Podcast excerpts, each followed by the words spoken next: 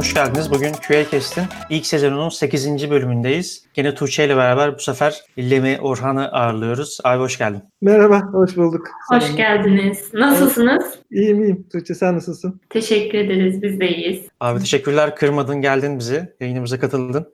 Ben teşekkür ederim. Ee, umarım e, keyifli bir sohbet olur ve katılımcılar e, keyif alırlar e, bilgilerimizden. Ufak da olsa bir parça aktarmaya çalışacağız. Biz genelde böyle test otomasyon hakkında konuşuyoruz ama senin böyle işin dolayısıyla genelde savunduğun yıllardan beri savunduğun şey yazılımın kalitesini nasıl arttırabiliriz sorusunun cevabı. Bu yüzden otomasyon aslında bunun ayaklarından belki biri. Sen daha geniş perspektifi eminim bugün bize bir sürü şey anlatacaksındır. Vallahi elimden geldiğince. Peki abi Lemi Orhan Ergin kim? Biraz geçmişin, ne yaptın, profesyonel hayatından biraz bahsedebilir misin bize? Tabii tabii. Ben Marmara Üniversitesi Bilgisayar Mühendisliği mezunuyum. Yazılım geliştirmeyi çok sevdim açıkçası. Üniversite sıralarında da. Keza ortaokulda da Commodore 64'te 3 sene orta 1, orta 2, orta 3 Basic'te bilgisayar dergilerine baka baka kod yazmışlığım vardır. Her ne kadar bu kadar bilinçli olmasak da çok keyif aldım. Üniversiteden sonra Gebze'de Mermerciler Sanayi Bölgesi'ndeki BYM e, bilgisayar yönetim mühendislik AŞ'de e, yazılımcı, junior yazılımcı olarak başladım hayatıma. Orada aslında hayalleri olan bir adamım. Yani kendime ait başarmak istediğim, ulaşmaya çalıştığım hayaller var. Bu hayallerden bir tanesi de e, üniversitede kalmaktı. E, lakin bu mümkün olmadı. E, madem öyle ben de e, bilimsel çalışmalarımı bir şekilde sürdürebileceğim ve en azından e, paralel programlama e, ve işte task scheduling algoritmalarını e, uzmanlaştığım alan oydu. Kullanabileceğim bir şirkete şirket arıyordum ki beni buldular öyle söyleyeyim. Çok iyi denk geldi. İşte o sırada load balancerlarla vesaire C'de kod, kod e, yazmakta çok keyif aldığımı hatırlıyorum o dönemde. Sonra Java ile e, ve Spring ile tanıştım. Yani backend dünyasının e, JVM tabanlı e, dillerini ve object oriented programlamayı e, tanık oldum diyeyim. E, yavaş yavaş deneyimlemeye başladım. Oradan Sony maceram başladı 2004 Ekim'inde. E, Sony'de 10 sene 10 sene neredeyse 10 sene e, geçti. E, Sony'de e, çok özel insanlarla çalıştım. Kendimi şu anda e, kariyerimde neyi çok şanslı hissediyorum dersen dersem e, bunlardan bir tanesi e, iş arkadaşlarım e, olacaktır. E, e, Sony'de teknik e, anlamda çok üst düzey e, arkadaşlarım oldu. Onlar şey yöneticilerim ve liderlerim oldu. Onlarla çalıştım. Gitti gidiyor da keza çalıştım bir beş bir ay. Orada da çok güzel bir ekip vardı. Ee, Sony'ye üç kere çalışma fırsatım oldu. Yani aynı şirkete üç kere ayrılıp e, üç kere girmek değişik bir deneyim ama ben e, yaşadım. Çok da e, mutluyum. En sonunda da ACM'e geçtim. Hmm, ACM bir danışmanlık şirketi ve çevik yöntemler ve eğilimler, yönetimler hakkında çok deneyimli. Orada e, Türkiye'deki sektör, Türk sektöründeki birçok şirkete dokunma fırsatım oldu. Çok fazla insanla tanıştım. Benim için büyük bir deneyim. Agile Turkey topluluğu ve Software Craftsmanship Turkey topluluklarıyla e, tanıştım. Keza Software Craftsmanship topluluğunu ben kurdum ama e, Agile Turkey topluluğunda da aktif e, rol alma fırsatım oldu. Üç farklı konferans düzenlerken e, onların başında bulunma e, şansını yakaladım. Orada da çok şey öğrendim. Limitlerimi zorlamaya çalıştım açıkçası. Zorlandığımı çok zorlandım. Yani e, limitlerime ulaştım diyebilirim. E, çok e, yoğun ve e, çok öğretici bir dönemdi. Sonrasında İzliko'ya geçtim. İzliko'da da sevgili Hakan Erdoğan ve e, Onur Sabri Tüzün'le beraber e, çok keyifli bir buçuk sene geçti. Bir buçuk sene yakın. E, İzliko'da e, çok özel insanlarla güzel bir e, kültür ve güzel bir e, ürün geliş, ürünler geliştiriliyor ve oranın bir parçası olmak beni çok mutlu etti. En sonunda da İzliko'dan sonra da yine e, Hakan ve Onur'la beraber e, hayallerimize yeni bir yelken açtık ve kendi şirketimizi kurduk. Craft Base adı altında. E, kendi aslında bu kuruluş aşamasında Scotty ile tanıştık. Scotty tıpkı bizim gibi hayalleri olan ve bu hayaller için de inanılmaz derecede tutkuyla çalışan insanlarla oluşuyor ve onlarla bir partnerlik kurduk, teknoloji partneri olduk. Orada etle tırnak gibiyiz. Yani ben Craftspace kurucusuyum ama Scotty için e, günümün tamamını Scotty'nin başarısı için hands-on çalışarak geçiriyorum. Bütün kariyerimi bir çırpıda böyle özetleyebilirim. Abi şey Lemi'nin not defteri adında bence çok iyi bir kayıtlar hazırlıyorsun. Onu da istersen bahset. Orada pay programming hakkında şey retrolar, kod inceleme, Evet. BBS bir sürü şey anlatıyorsun. Ben çok faydalandım mesela hani çok böyle farklı bakış açıları kattı bana söylediklerin. Ha, Teşekkür ederim. Açıkçası podcast çok dinleyen birisiyim. Ee, QA de dinledim. Ee, Birçok podcast'i yakinen takip ediyorum ve e, neden ben de bir podcast yapmayayım diye düşünerek 8 6 ya da 8 e, bölümden oluşan e, hızlı bir e, podcast serisi e, çektim. E, çok basit bir cihazla. E, ondan sonra e, çok yoğun bir döneme girdiğim için e, devam edemedim ama buradan da herhalde e, duyurmakta bir sorun olmaz. Yeni bölümlerini çekmeye başlıyorum. Umarım hızlı bir şekilde, e, düzenli bir şekilde e, birçok farklı konuda, kafamda çok konu var. Konularda aktarımlarıma başlayacağım. Tüm podcast severlere buradan duyurmak isterim. Ben de abi yakından takip ediyorum. Ben de çok sık sıkı bir podcast takipçisiyim. Zaten e, bu köy anlamındaki eksikliği gidermek için biz de böyle bir işe giriştik. Yani hem dinliyorken hem de birilerinin hikayelerini paylaşmak, farklı bakış açıları katmak istedik. E, senin de hani biraz önce bahsettin ya çok böyle yoğun zamanlarımız geçti, kendimi çok zorladım vesaire Evet. dedin. Evet. Açıkçası o zamanlar mesela ben birçok etkinliğe katılmıştım. Böyle ayda birkaç kere bir oradasın, bir burada. Bir işte bir araya davet ediyorsun. Bir Anadolu yakasında başka bir yere bir etkinlik oluyor. Evet. Ee, yani bu o zaman kadar böyle şakalaşıyorduk arkadaşlarım. Bu kadar enerjiyi nasıl buluyorsunuz diye. Çünkü biz bile bugün bir e, etkinlik yapmaya çalışsak, insanları bir araya toplayıp bir şeyler konuşalım, e, anlatalım vesaire diye uğraşsak yani bu süreç bizi biraz zorluyor zaman zaman. Yani o süreçte böyle ayda birkaç kere seni etkinliklerin oluyordu. Yani şimdi daha o zorlu sürecini hissedebiliyorum yani. Evet, e, çok emek istiyor, e, çok doğru. E, lakin şöyle ilginç bir durum da var. Bu etkinliklerde e, böyle etkileşimi olan podcast gibi, video çekimi gibi ya da meetuplar gibi, konferanslar gibi, buluşmalar gibi bu gibi etkinliklerde ben insanlarla beraber etkileşim içerisinde olmak bana büyük bir enerji veriyor. Hı hı. E, zaman zaman hayatımda e, tamamen bıraksam mı bu kadar yorgunlukla daha ne kadar devam edebilirim diye düşündüm. E, sonra şuna karar verdim. Eğer böyle bir etkileşim yaşayam yaşamazsam e, ben e, enerji depolayamam. E, bu benim e, iç motivasyonumun çok e, çekirdek bir parçası. O nedenle e, keyifle devam edecek ve umarım uzun senelerde e, devam edecek diyelim. Devam eder İnşallah. inşallah. Peki Abi- ofiste bir gününüz nasıl geçiyor? Evet, yaklaşık son bir seneyi e, tabii e, anlatabilirim.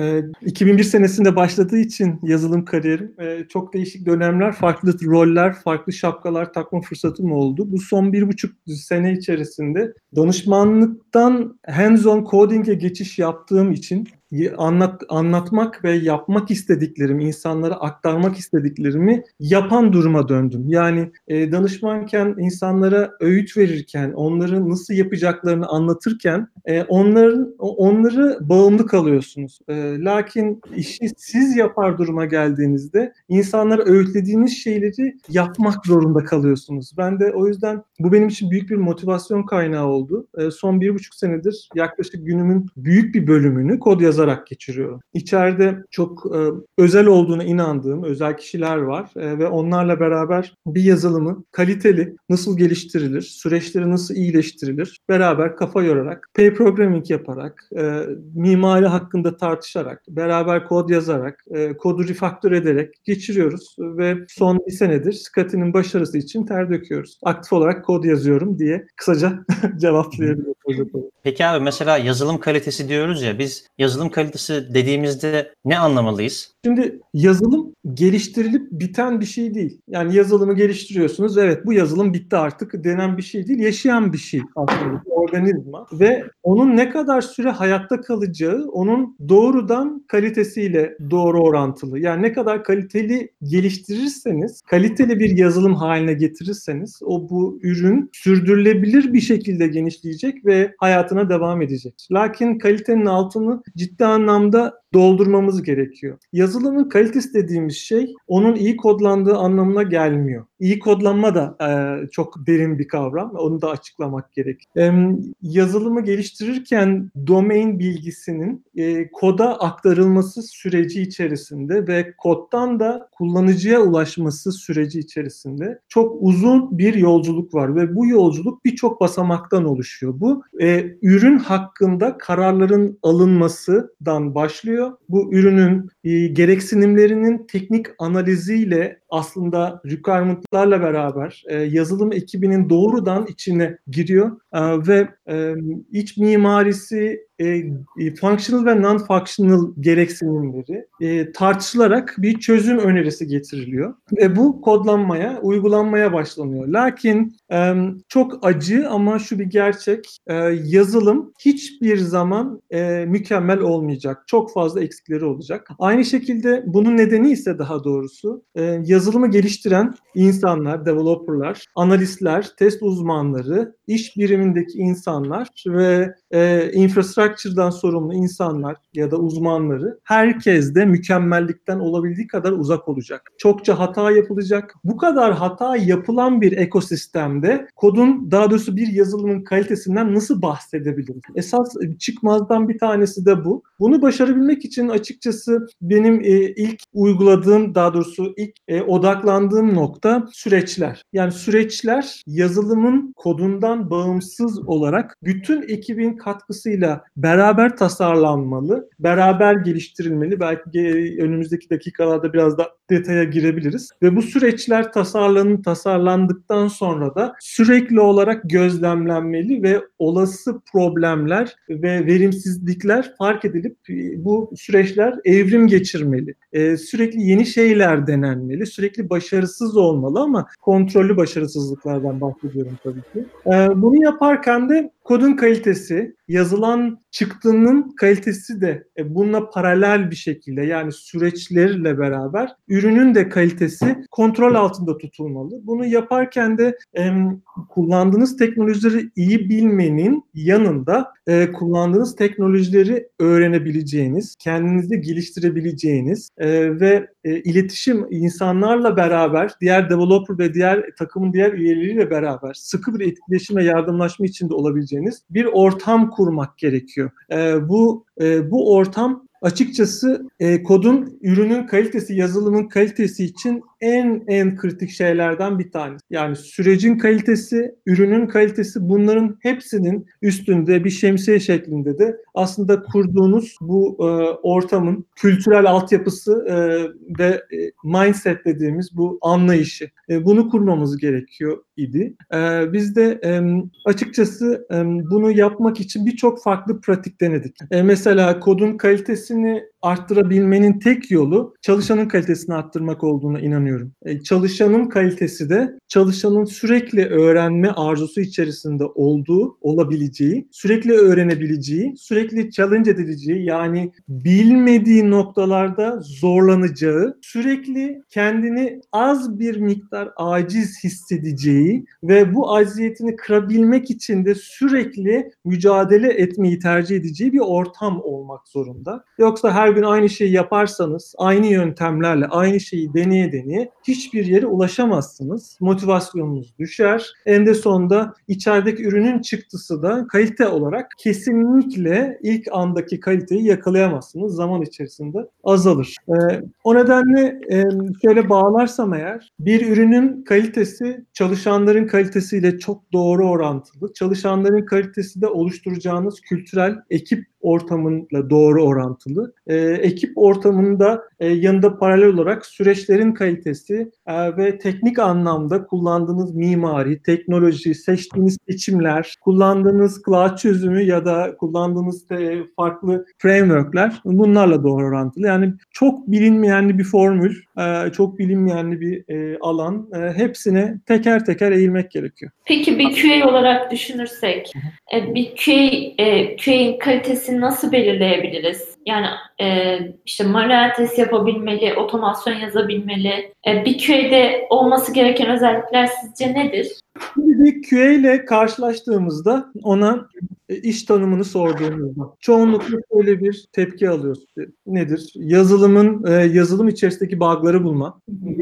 Hatta yazılımı bozma için çalışıyorum. Yani yazılımdaki bug'ları buluyorum ve bunları ekiplere bildiriyorum. Şimdi böyle bir genel olarak iş görüşmelerinde karşıma çıkan bir QA tanımı bu. Bana karşımda gelen insan. Oysa ki bu doğru değil. E, e, duymak istediğim, daha doğrusu anlamak, karşımdaki görmek istediğim şey e, bir şey ekibe yardım eden, ekibin kaliteli bir değer, ürün geliştirmesi için, maksimum değer üretebilmesi için gereken test ve kalite çalışmasını yapan kişidir. E, ve sürekli ben ekibe nasıl destek olabilirim e, diye sorgulaması gerek. E, o açıdan bakıldığında bir e, QA'den genel olarak beklenti onun tabii ki test alanında e, pratikleri iyi bilmesi yani manuel testten tutun e, gerekirse otomasyona e, ve işbirliğine, e, ekipteki diğer yazılımcılarla beraber sıkı ve verimli bir işbirliğine e, yakın olması, e, verimli çalışabilmesi gerekli. Tabii ki bunlar olacak. Lakin e, buradaki en önemli şey e, anlayış. E, bu anlayışı da sahip olması gerekiyor. Yani kendisi bug arayan, bug e, bulan e, ve bunu bildiren kişi değil aslında. Ekipteki en önemli katalizörlerden bir tanesi.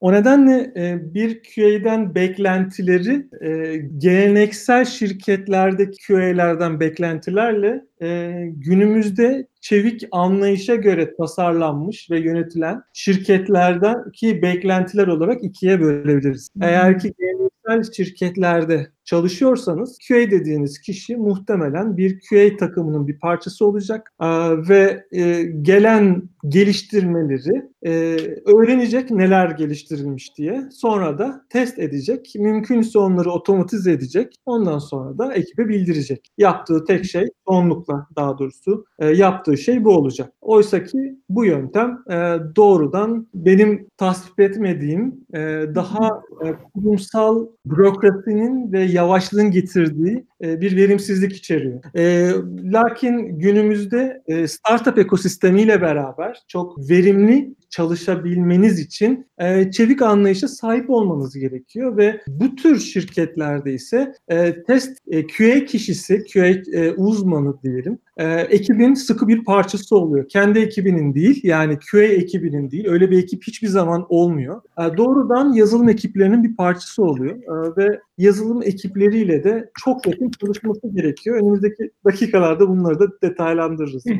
Abi zaten hani sen de çok duyuyorsundur. İşte şirketler bazen diyor işte biz agile çalışıyoruz, işte çeviz vesaire. Evet, evet. Böyle zaman zaman ben onun böyle hızlıca bir ayrım yapmak için mesela bu QA katalizörünü senin deyiminde çok sık kullanıyorum. Yani oradaki bir QA'in rolünü biraz anladığınız zaman, şirkette gördüğünüz zaman aslında onun ne kadar çevik olup olmadığını anlayabiliyorsun. Çünkü sen de birçok firma ile biraz önce bahsettin. insanlarla tanıştın, birebir yakın çalıştın. Çok büyük ekiplerle çalıştın. Bence senin karşına da QA rolündeki insanların bahsettiğin, tasvir etmediğin şekilde çıkmasının sebebi aslında Türkiye'deki bence yazılım firmaların teste ve kaliteye biraz bakış açısı. Onun sanki sadece e, kalitenin bir test ekibine yüklenmiş olmasından kaynaklandığını ben düşünüyorum. E, sence bu yazılım firmaların Türkiye'deki teste ve kaliteye bakış açısı gerçekten e, bir doğru düzlemde mi? Bu konu hakkında ne söylersin bize? Aslında kaliteye bakış açılarında tabii ki bir problem olduğunu tespit edebiliriz. Lakin e, bu soruna baktığımızda bu sorun doğrudan onların kaliteli bakış açısıyla doğrudan orantılı, do- doğrudan bağlantılı değil. Bu tür şirketler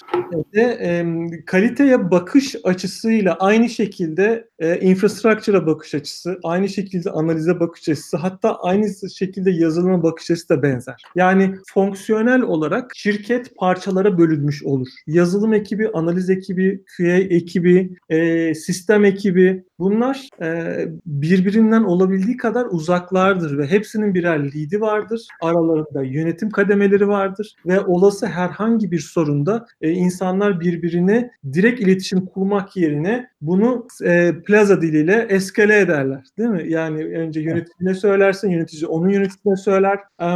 E, bu teste bakış açısıyla alakalı olabildiği gibi şirketin bu genel olarak mantalitesindeki bozuklukla da alakalı olabilir ki ben ikinci ikinci olasılığı daha e, çok buluyorum.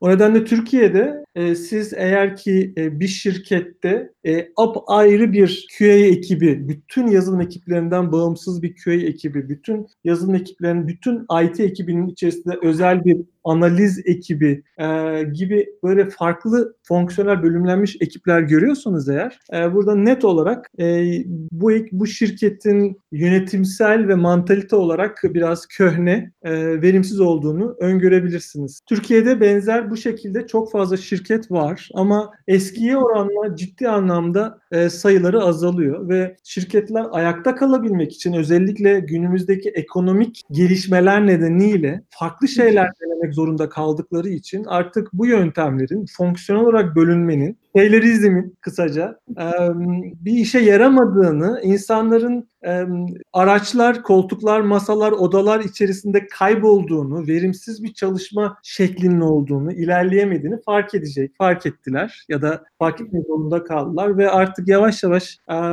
birlikle alakalı çalışmalar genele yayılmaya başladı. Abi çok böyle bu konudan dağılmadan biraz da böyle QA'nin rolünü bize genişletebilir misin? Mesela e, kaliteyi artıracak bir pozisyonda olması, ekibin her anlamında destek olması gerektiğinden bahsettik ya. Evet, Bunun evet. için nasıl bir hamleler yapabilir? Tek başına gerçekten bir QA mesela kaliteyi arttırabilir mi? Yani ekibin evet. bu konuda dışarıdan destek alması mı gerekir? Birazdan QA'nin burada durması gereken pozisyon hakkında bizi yönlendirebilir misin? Tabii ki. Buna başlamadan önce bununla alakalı şöyle bir giriş yapayım.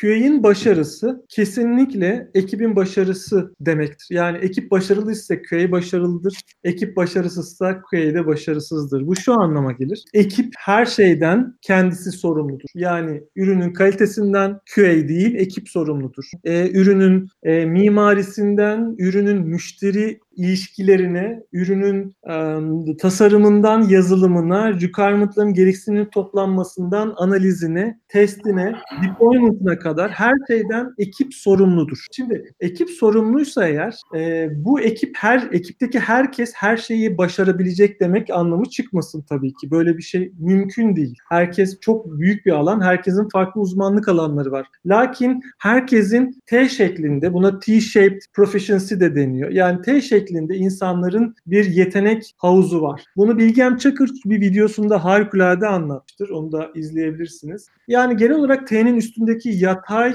e, çizgi insanların, biz çalışanların e, e, yani ge, ucundan az bir miktar bildiğimiz e, ve anlayışımızı geliştirdiğimiz, iş yapış şeklimizi şekillendirdiğimiz e, bilgilerden oluşuyor. E, bu şu anlama gelir. Bir QA e, yazılım bilebilir, kodlamayı bilebilir. Bu mümkün. Database'i bilebilir. Bu mümkün. Mimarisel kavramları bilebilir. Bu mümkün. Bunların hepsi T'nin e, üstündeki çizgiyi ifade eder. Bir de T'nin e, aşağı doğru inen e, dikine bir çizgisi daha var. Bu da onun derinleştiği, uzmanlaştığı e, yer anlamına geliyor. Burada bir QA e, e, uzmanlaştığı yer e, test olmalı tabii ki. Yani test ve kalite anlayış. E, e, yalnız e, QA çok özel bir rol. E, şöyle ki e, hiçbir QA birbirine benzemiyor. Yani e, istediğiniz kadar tek yekpare bütün dünyada tek bir iş tanımı ortaya çıkartın. E, elinizdeki QA ve iş yapış şekli birbirinden her zaman çok farklı oluyor. Bunun da nedeni şu.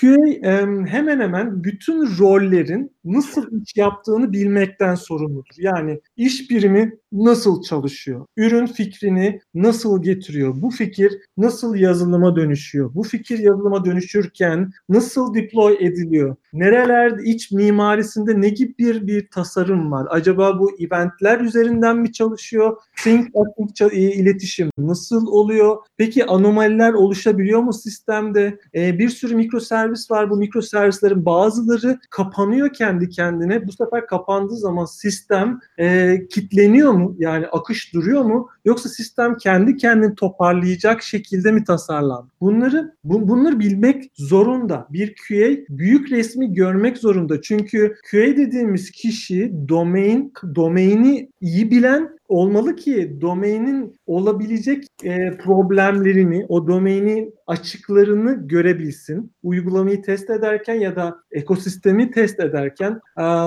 e, en uygulamanın nasıl çalıştığını bilebilsin. E, bunun yanında da o T'nin en üstündeki e, bilgi seviyesiyle de e, çok daha farklı alanlarda katkı yapabilsin. E, bazı QA'ler e, özellikle domain öğrenme, e, domain bilgisini geliştirme konusunda çok güçlüler. Biraz analist e, yatkınlıkları var. Biraz e, product owner'lara yakın, onlarla çok yakın çalışıp iş birimleriyle çok yakın iletişim kurabiliyorlar. Mesela e, böyle QA'ler e, çok hayatımızda e, yer buluyor. E, bazı QA'ler teknik anlamda e, bilgililer ve teknik yetkinlikleri var. E, bu QA'ler yazılımcılarla beraber e, mimarisel kararları anlamaya çalışıyorlar ve bu mimarisel kararlar nedeniyle oluşabilecek problemleri önceden öngörebiliyorlar. İşte mesela e, bir ölçeklenme ihtiyacı olduğunda yani bugün bin request gelirken işte bir e, sevgililer gününde bir anda 20 bin request'e çıktığında sistemin nerelerde sallanabileceğini, nerelerde problem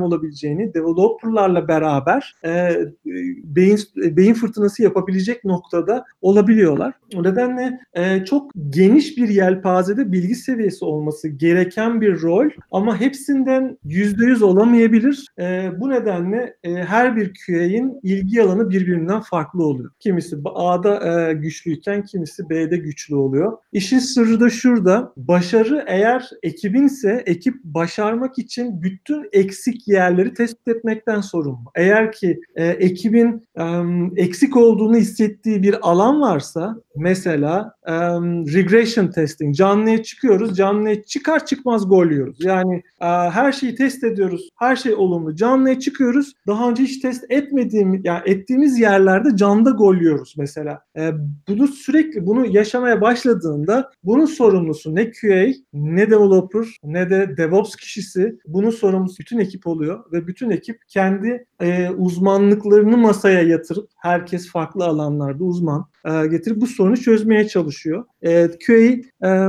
kendi uzmanlık alanının uzmanlığını kullanarak katma değer sağlamaya çalışıyor. DevOps katması değer sağlamaya çalışıyor vesaire. E, yani genel olarak böyle özetleyebilirim. Abi bence çok iyi bir şey söyledin. Çünkü yani hepimizin zaman zaman müzdarip olduğumuz bir konu oluyor. Eğer yazılımda bir hata çıktığı zaman ilk önce böyle test ekibine mesela soruluyor. İşte biz buna bakmadık mı? Siz bunu incelemediniz mi? Vesaire gibi. Sanki böyle sorumluluğun e, hepsi oradaymışçasına veya sorumluluğun büyük bir kısmı. Senin de bahsettiğin gibi bir problemde aslında bu bütün ekibin sorumluluğu olması gerekiyor. Evet. Hatta burada bir bir QA'den bir yazılımcıyı ayıramazsınız. E, bir QA ne kadar ürünün kalitesinden sorumluysa yazılımcısı da o kadar bu açıdan baktığınızda yazılımcı kalite adına adım atmıyorsa burada kendine bir bakması gerekiyor. Mesela özellikle yazılımcıların teste önem vermesi gerekiyor. Automated teste. Nedir bunlar? TDD buradaki çok önemli pratiklerden bir tanesi. Unit test yazma TDD demek değil bu arada. Lakin unit test yazarak TDD yaptığını düşünenlerimiz olabilir. TDD biraz daha farklı olarak bir yazılım geliştirme şekli unit testleri kullanarak. Mesela biz burada TDD'ye çok ama çok önem veriyoruz. Mümkünse TDD her alanda uygulamaya çalışıyoruz ve bunu çok katmanlı e, mikroservisler e, daha en başta oluşturulurken başlıyoruz. E, unit test, integration test, fonksiyonel test mutlaka yazılması gerekiyor. E, bir ilk bir satır kod yazıyorsak e, muhtemelen çok daha fazlasını unit bir test yazarak harcamanız gerekiyor.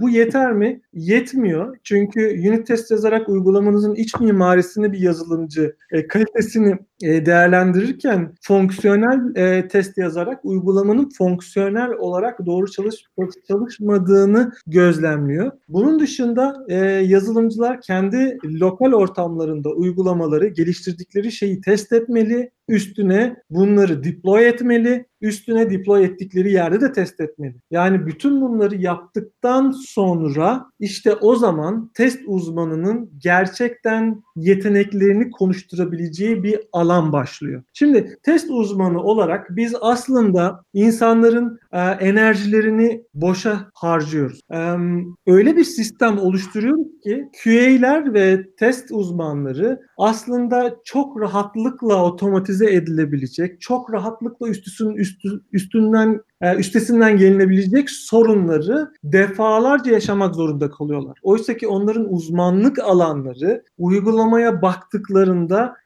uygulamanın davranışlarından uygulamanın altyapısındaki sorunlara kadar 360 derecesini değerlendirmek ve bununla alakalı deneyler yapmak, bununla alakalı çıkarımlarda bulunmak e, ve e, deneme yanılma e, inspect and adapt bun, bunları uygulayarak uygulamadaki problemleri tespit etmek. Şimdi siz uygulama sadece bir e, QA ve test uzmanına e, al bunu test et, şu 15 linki tıkla açılıyorsa okey ver diyorsanız eğer yani onun zekasını e, ve enerjisini boşa harcıyorsunuz demek. E, tabii burada şunu da altını çizmek gerekir. E, hiçbir zaman e, bir, iyi bir iyi e, oluşturulmuş e, bir sistem, bir süreç hemen oluşturulamaz. Yani e, e, bir süreç oluşturmak bir e, yolculuktur. Yani ilk başta e, çok verimsiz süreçleriniz olacak. Nedir? İlk başta test uzmanlarınız farklı bir ekipte olacak. Siz test uzmanlarının yeteneklerine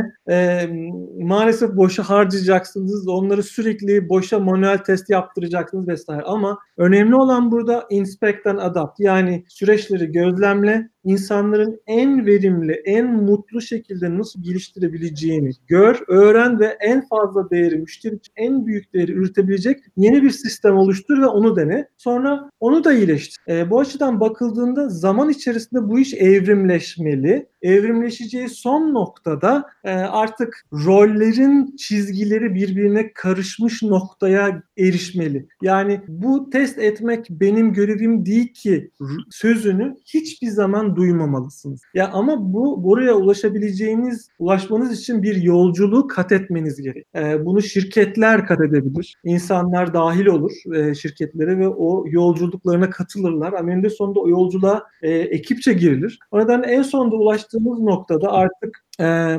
ürünün test yapan kişi yani bir QA uzmanı, bir QA ve test uzmanı aslında ekibin hepsinin test yaptığı, hepsinin kaliteden çok iyi anladığı, anlayacağı bir noktaya getiren bir mentor, bir danışman noktasına evrilir. Bir yazılımcı takım içerisindeki mimarisel ve yazılımsal kararlarda, teknolojik kararlarda bütün ekibin bir fikri olabileceği noktaya takımı evriltir. Bilgi paylaşımıyla, pay programmingle vesaire, mob programmingle e, ya da e, içerideki bir analiz analist pozisyonunda birisi varsa eğer bir product owner varsa bu kişi de ekibin içerisinde ürettikleri ürün hakkında onun 360'ını görebilecek bir yapıya getirmeye çalışır. Yani herkes birer koçtur aslında. Günümüzde Agile Koç dediğimiz ya da Scrum Master dediğimiz kişiler e, ekibin Scrum'ından, Scrum uygulamasından sorumlu kişiler değildir. Ekibin e,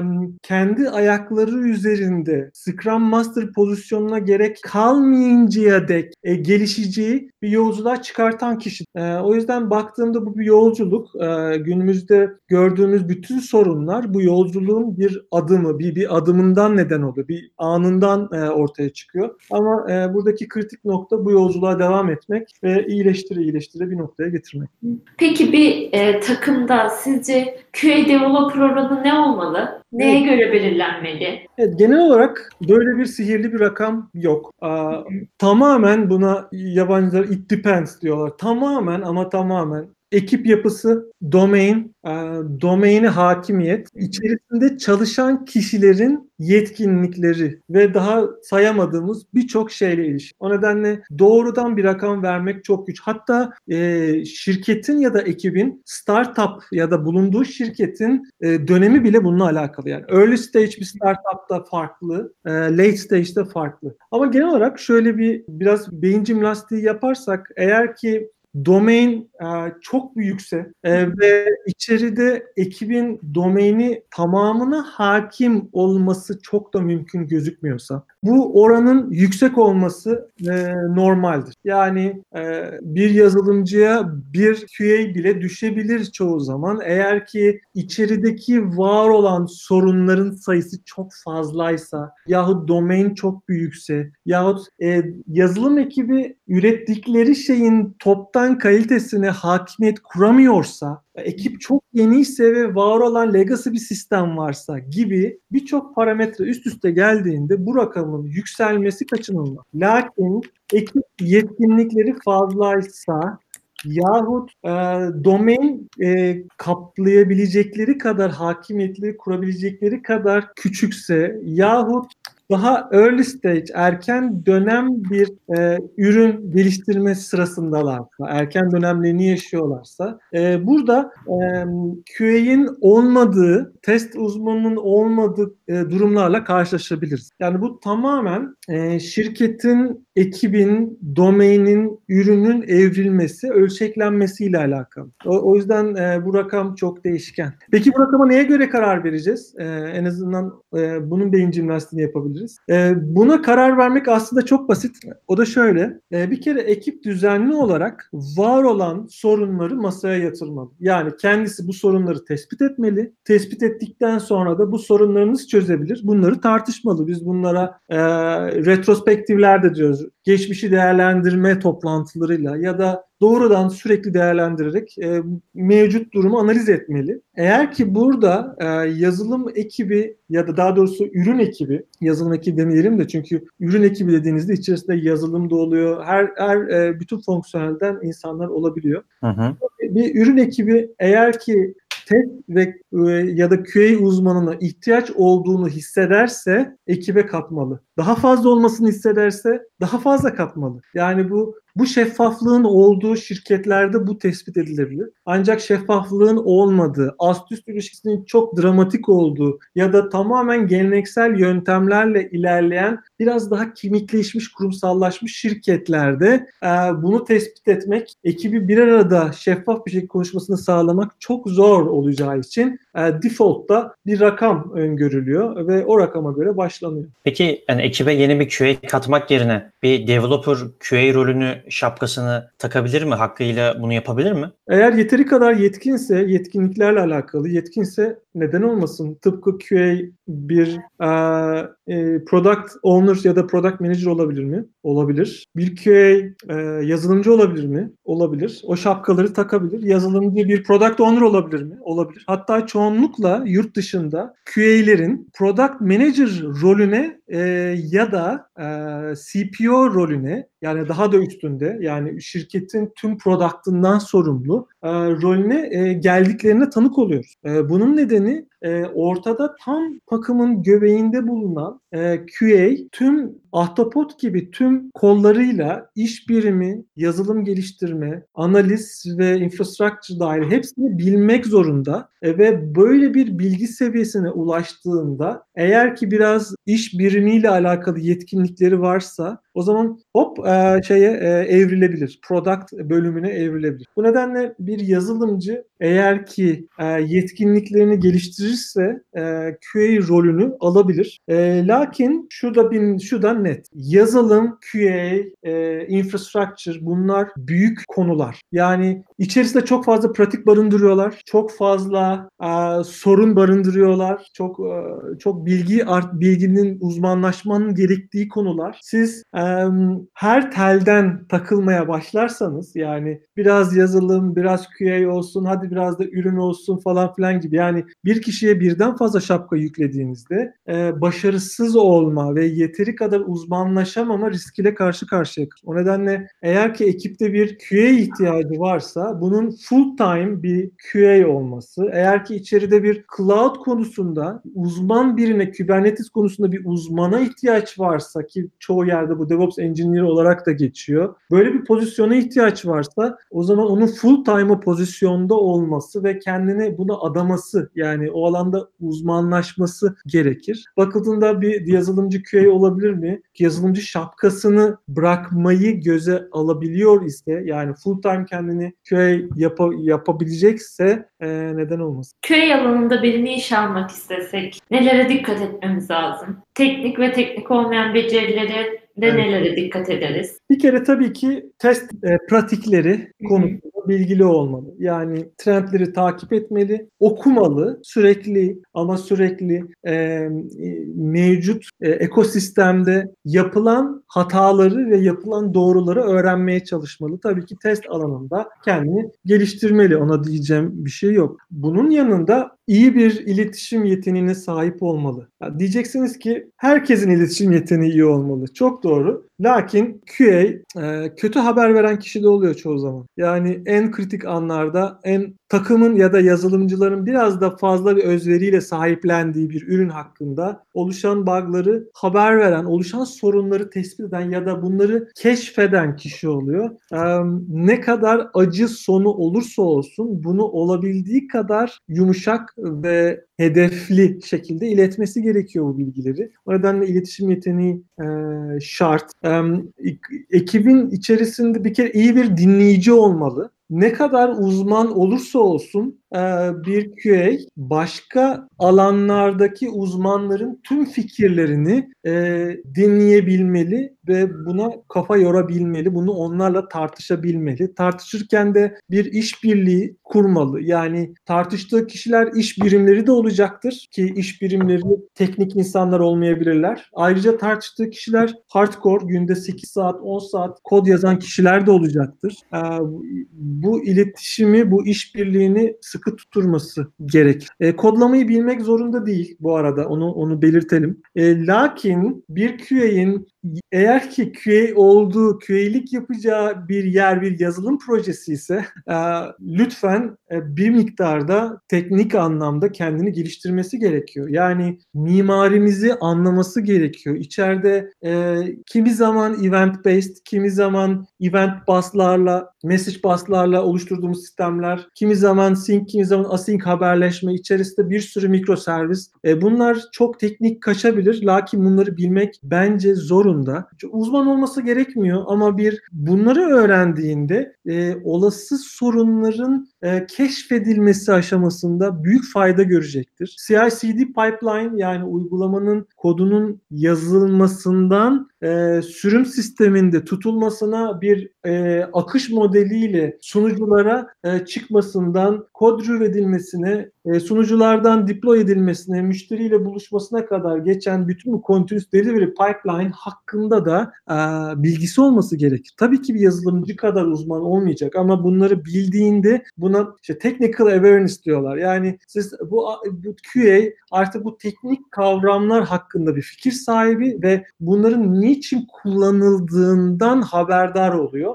ve artık keşif bunu birçok yerde birçok defa kullanacağım. Yaptıkları test keşiflerinde esasında keşiflerde bu bilgileri e, kullanıyor olacak. E, bir QA'de beklentim bir özellikte beklediğim e, domain bilgisi. E, Martin Fowler bir e, Agile sanırım 2014 e, keynote'unda konuşmasındaydı sanırım. Şöyle söylüyor, biz e, Agile kavramlarının çevikliğin içine düştüğü en büyük sorunlardan biri e, yazılım ekiplerini ve IT ekiplerini domainden uzaklaştırdık. Yani domain analistlerde kaldı, domain product manager'larda kaldı. Aşağıda e, teknik anlamda mücadele eden büyük bir ekip var. Domain onlara ulaşamıyor. Oysa ki biz bunu çeviklik derken biz bunu kastetmemiştik de, demiştik. E, keza aynı şey ben de katılıyorum. E, bir test uzmanı e, eğer ki üzerinde çalıştırdığınız bir QA daha doğrusu üzerine çalıştığı ekip ya yani çalıştığı ekibin ürünü eğer bir e, yolculuk paylaşımı ürünü ise Scotty'nin ürünü gibi e, bu domaini iyi bilmek zorunda. Alternatifi yok. Ha yazılımcı, yazılımcı da bilmek zorunda. Yani domaini bilmeyen yazılımcının üreteceği şey ancak bir sabun köpüğü olur. Oysa ki bizim istediğimiz şey elimizi yıkadığımız zaman yapması gereken şeyi yani elimizi temizlemesi. Sabun köpüğüyle temizleyemezsiniz. O nedenle eksik kalır.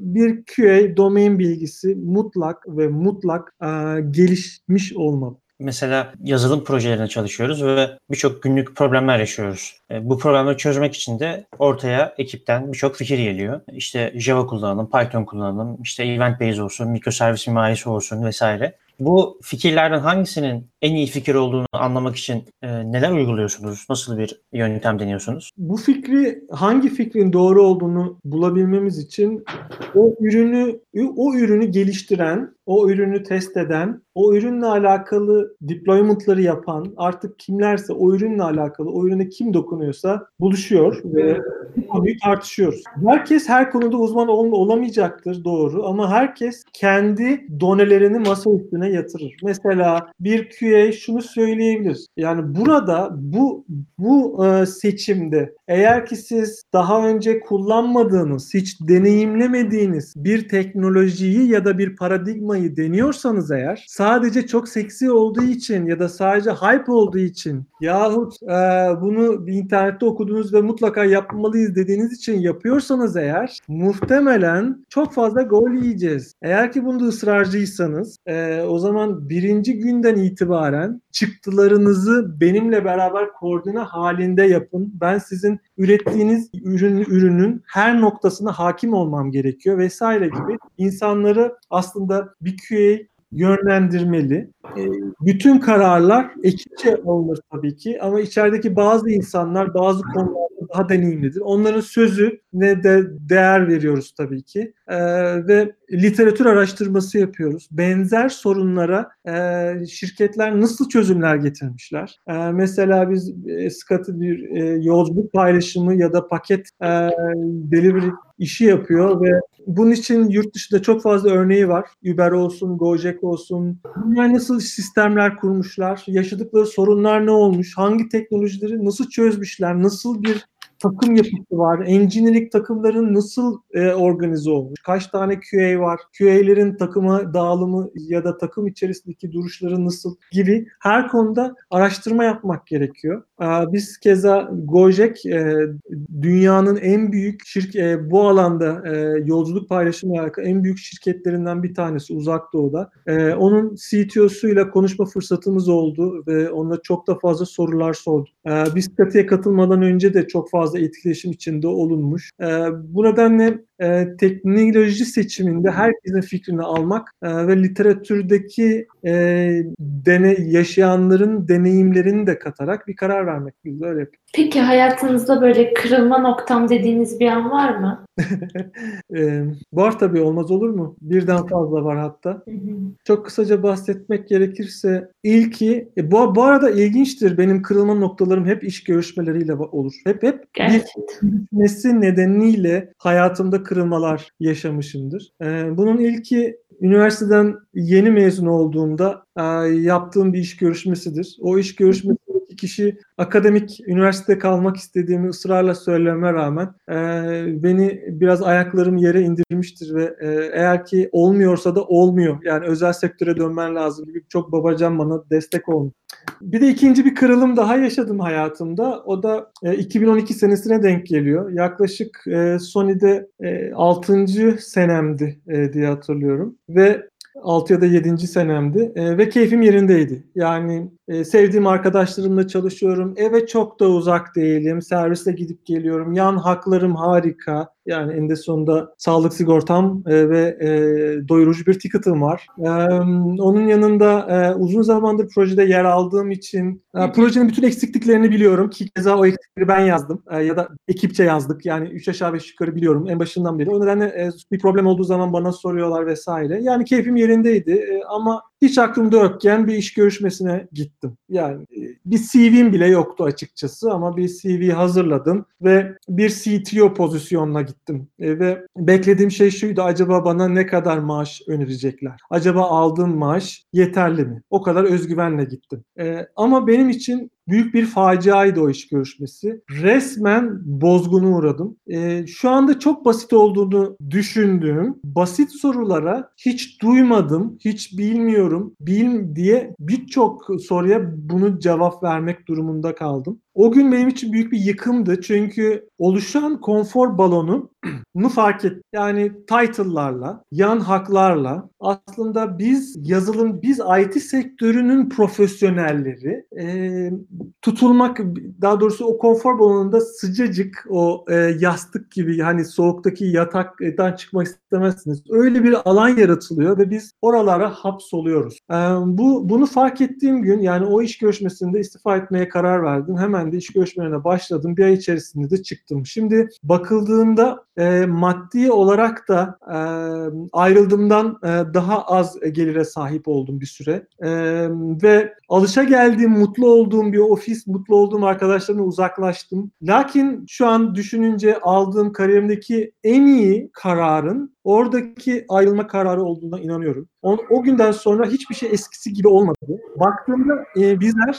e, Senior'dan Expert'e, e, Junior'dan Senior'a title'ları bekliyoruz. Yahut e, Mart ayında gelecek bonusları bekliyoruz. Yahut yan haklarda iyileştirme bekliyoruz. Beklerken de e, sektörden uzaklaşıyoruz. Sürekli aynı şeyleri yapmaktan sıkılmamıza rağmen artık öyle bir apati noktası, öyle bir kanıksama noktasına erişiyoruz ki hani yüzümüzde mimik kalmıyor. Her gün aynı işe git, aynı işe dön. Hiçbir katma değer katmadan kendimize gidip geliyoruz ve ne yapıyoruz? Neden bunu yapıyoruz? Çok sıcak bir yuvada yaşadığımızı düşünüyoruz bir balonda. Ama o balon patlıyor. Bugün olmasa, yarın olmasa elbet bir gün patlıyor. O patladığı zaman ne oluyor biliyor musunuz? Siz dünyada bambaşka yerlerde, dünya bambaşka yerdeyken siz köhneleşmiş bir QA oluyorsunuz ya da bir yazılımcı oluyorsunuz. Eski kafa oluyorsunuz. Yeni sisteme adapte olamayan oluyorsunuz. Yahut yaşlı oluyorsunuz. Gençler sizinle sizden bin kat daha değişime ve riske hazır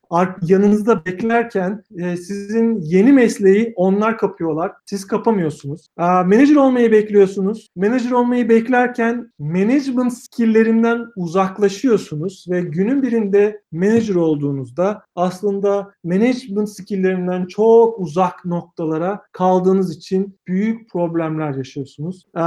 Ben konfor balonunun ne kadar rahatsız edici olsa da, ne kadar insanın canını sıksa da, ne kadar gerse de insanı buna onu patlatmanın, o patlamadan önce onu patlatmanın çok değerli olduğuna inananlardanım, yaşayan birisi olarak. Abi tam konfor alanına ilgili aslında bir şeyler soracaktık ama kendi kendine böyle acayip bir izah ettin.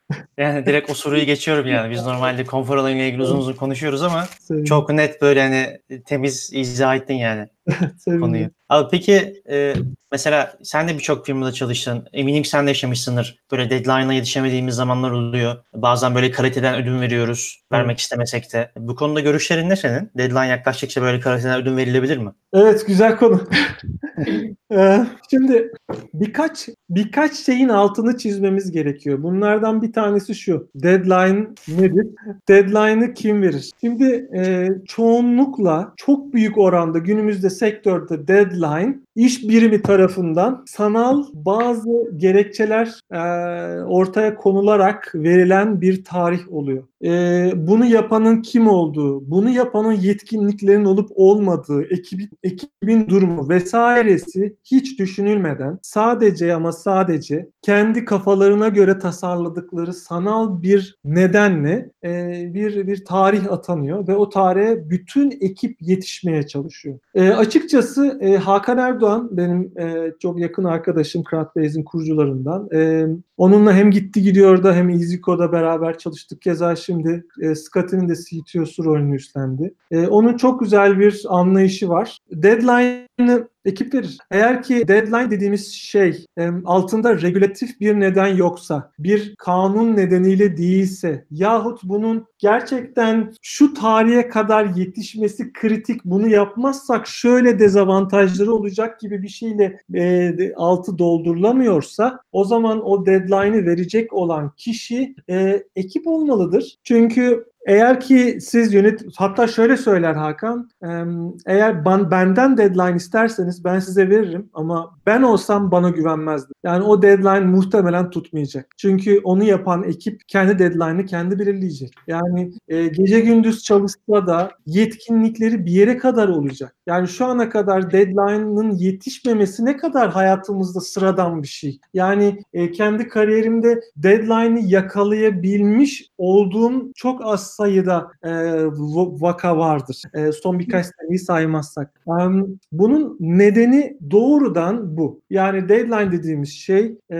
bir tarih, bir teslim süresi ise e, gerçekte olmak gerekir. Yani yalan söyleyerek, insanların kendilerini kandırarak yaparsınız edersinizlerle bir yere varalım. Lakin ekip deadline'ını verdiyse de buna uymak için de mücadele etmek zorundadır. Yani e, overtime yani fazla mesai e, yapmaya kesinlikle karşı olan bir insanım. E, ofiste 6'dan sonra insanların kendi evlerine gitmesini zorluyoruz. Gidin hatta gidin diyoruz. Ofiste kimse kalmıyor. E, lakin eğer ki deadline'ı ekip kendisi verdiyse ve kendi belli başlı e, kavramlar ve belli başlı tarihlerde e, bir söz verdiyse ekibin bütün elemanlarının katkısıysa o zaman ona ulaşmak için de mücadele etmek zorunda. Fazla mesai yapması gerekiyorsa fazla mesai yapacak. Yani eninde sonunda accountability dediğimiz yani artık sorumluluk, elini taşın altına koyma devrinin başladığı noktada da artık o işi başarabilmek için de elinden gelen tüm enerjiyi harcayacak.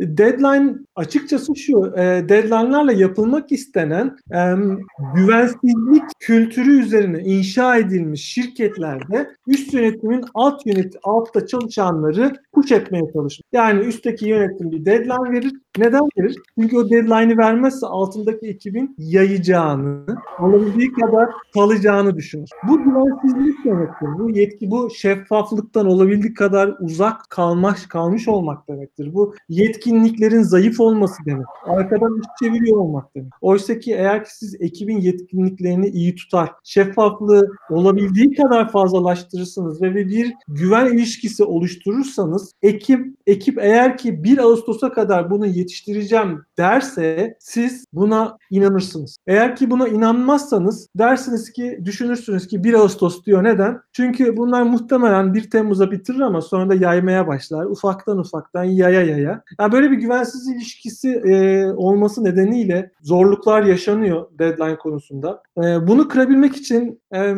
birçok e, birçok şey yapmak gerekiyor. Bir bir güven tek bir pratikle, tek bir uygulamayla hiçbir zaman oluşturulamayacak kadar büyük bir şey. E, şeffaf olmak gerekiyor. Yapılan hatalarda ve başarılarda şeffaf bir şekilde bütün herkesle paylaşmak gerekiyor. Yapılan hatalarda sorumluluk almak e, gerekiyor. E, bunları yaptığınızda size hatalarınızla, sevaplarınızla size e, inanan bir yönetim karşınıza çıkacaktır. E, ve ondan sonra da yapmanız tek gereken şey e, iş biriminin e, requirement'larını, gereksinimlerini anlamak e, ve deadline konusunda beraber karar vermek. Yani bir deadline'ı e, ekip dediğimde yazılım ekibinden bahsetmiyorum. İçerisinde iş birimi de olan, o ürünle alakalı söz hakkı olan kim varsa beraberce karar vermeli. Peki ekibinizin motivasyonunu, disiplinini ayakta tutmak için kullandığınız metotlar var mı? Evet, e, yıllarca e, ekibi motivasyonu tutmak için e, bowling turnuvalarına e, katıldık. E, bowling turnuvaları kimsenin motivasyonunu arttırmıyor arkadaşlar. E, ya da motivasyonunu arttırmak için e, herkese ek ikramiye veriyorsunuz. E, bu da arttırmıyor. Bugün artıyor, bugün insanlar mutlu oluyorlar ama çok kısa bir süre sonra aynı motivasyona geri dönüyorlar. İnsanları motive eden şey ne? Biraz buna bakmak gerekiyor. Bir kere şu net, yani bence net olan şey şu. Biz IT profesyonelleri olarak kendimizi geliştirebileceğimiz, kendimizi daha iyi birer profesyonel olarak hissedebileceğimiz yerlerde çalışmak istiyoruz. Biz başarmak istiyoruz. Başarırken de gelişmek istiyoruz. Bizi bundan daha daha fazla motive eden hiçbir şey yok. Evet maaşınıza zam yaparsınız herkes mutlu olur. Lakin maaş hijyendir. Maaş olmazsa olmaz zaten. Yani hakkını vermeniz gerekir. Kimse hakkından daha fazlasını alarak çok uzun süre mutlu olmaz. Hakkını alırsa siz o bir, en temel bir çıtayı çekmiş olursunuz. Bundan sonra insanlara yapacağınız şey onların kendini geliştirmeleri için ekibe yön vermek olmalı. Bizim uyguladığımız yöntem açıkçası şu ya esasında e, ben olabildiği kadar fazla ekibi zorlamaya çalışıyorum. Zorlarken şunu da çok çalıştırmak anlamında değil. Yapa geldiğimiz, alışa geldiğimiz yöntemlerin dışına çıkartmaya çalışıyorum. Geçmişte yaptığımız kodlama yöntemlerinin dışına çıkarmaya çalışıyorum. Ee, test yapma şekillerinin farklı şekiller denemelerini istiyorum. Mesela ufak bir örnek vereyim. Şimdi Scotty biliyorsunuz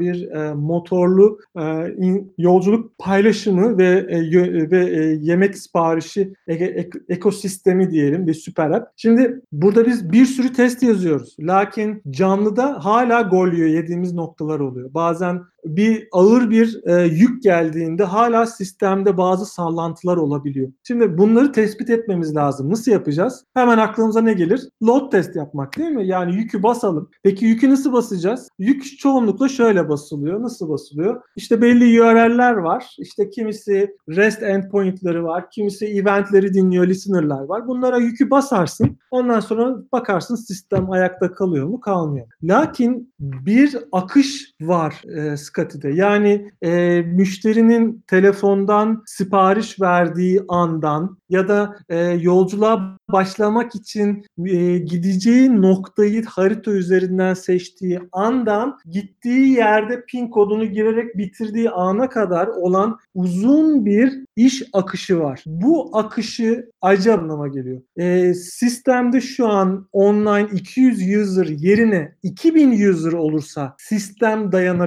dayanabiliyor. Bu daha doğru bir load test. Yani öbüründe siz endpoint'lere basarsınız. Burada mikro servislerin scale olup olmadığına, dayanıp dayanmadığına bakarsınız elbette. Lakin sistem 100 user'dan 10 bin user'a çıktığında sistem o load testi ayakta kalsa bile akışlar lo, yük altında olduğu için çok fazla aynı anda devam eden akış olduğu için e, sistem hayatta kalmayabilir. Mesela bu açıdan baktığımızda e, biz bir süredir şey yazıyoruz. E, sanal e, simülasyon, yolculuk simülasyonları. Yani şu anda ben şunu diyebiliyorum. Sisteme bin tane driver, bin tane sürücü, bin tane de user'ı İstanbul'un çeşitli bölgelerinde random ayağa kaldır. Bunlar birbirine sipariş versinler ve hepsi yolculuğa başlasın. Ve böylelikle yük testine farklı bir bakış açısı getiriyorsun. Ona biz ona live testing de diyoruz. Yani gerçekten e, bir yolculuk yapılıyor sanal da olsa. Mesela bu bakış açıları bile insanların daha önce denemedikleri ya da uzmanlaşmadıkları alanlar olduğu için insanları motive ediyor. Yahut biz insanlara uzun zamandır ben BBS ya da Launch and Learn dediğimiz e, bir etkinlik serisi düzenliyoruz. E, 2010'da Sony'de başladık. 2010'dan itibaren ben yaklaşık herhalde 300 BBS organize etmişimdir.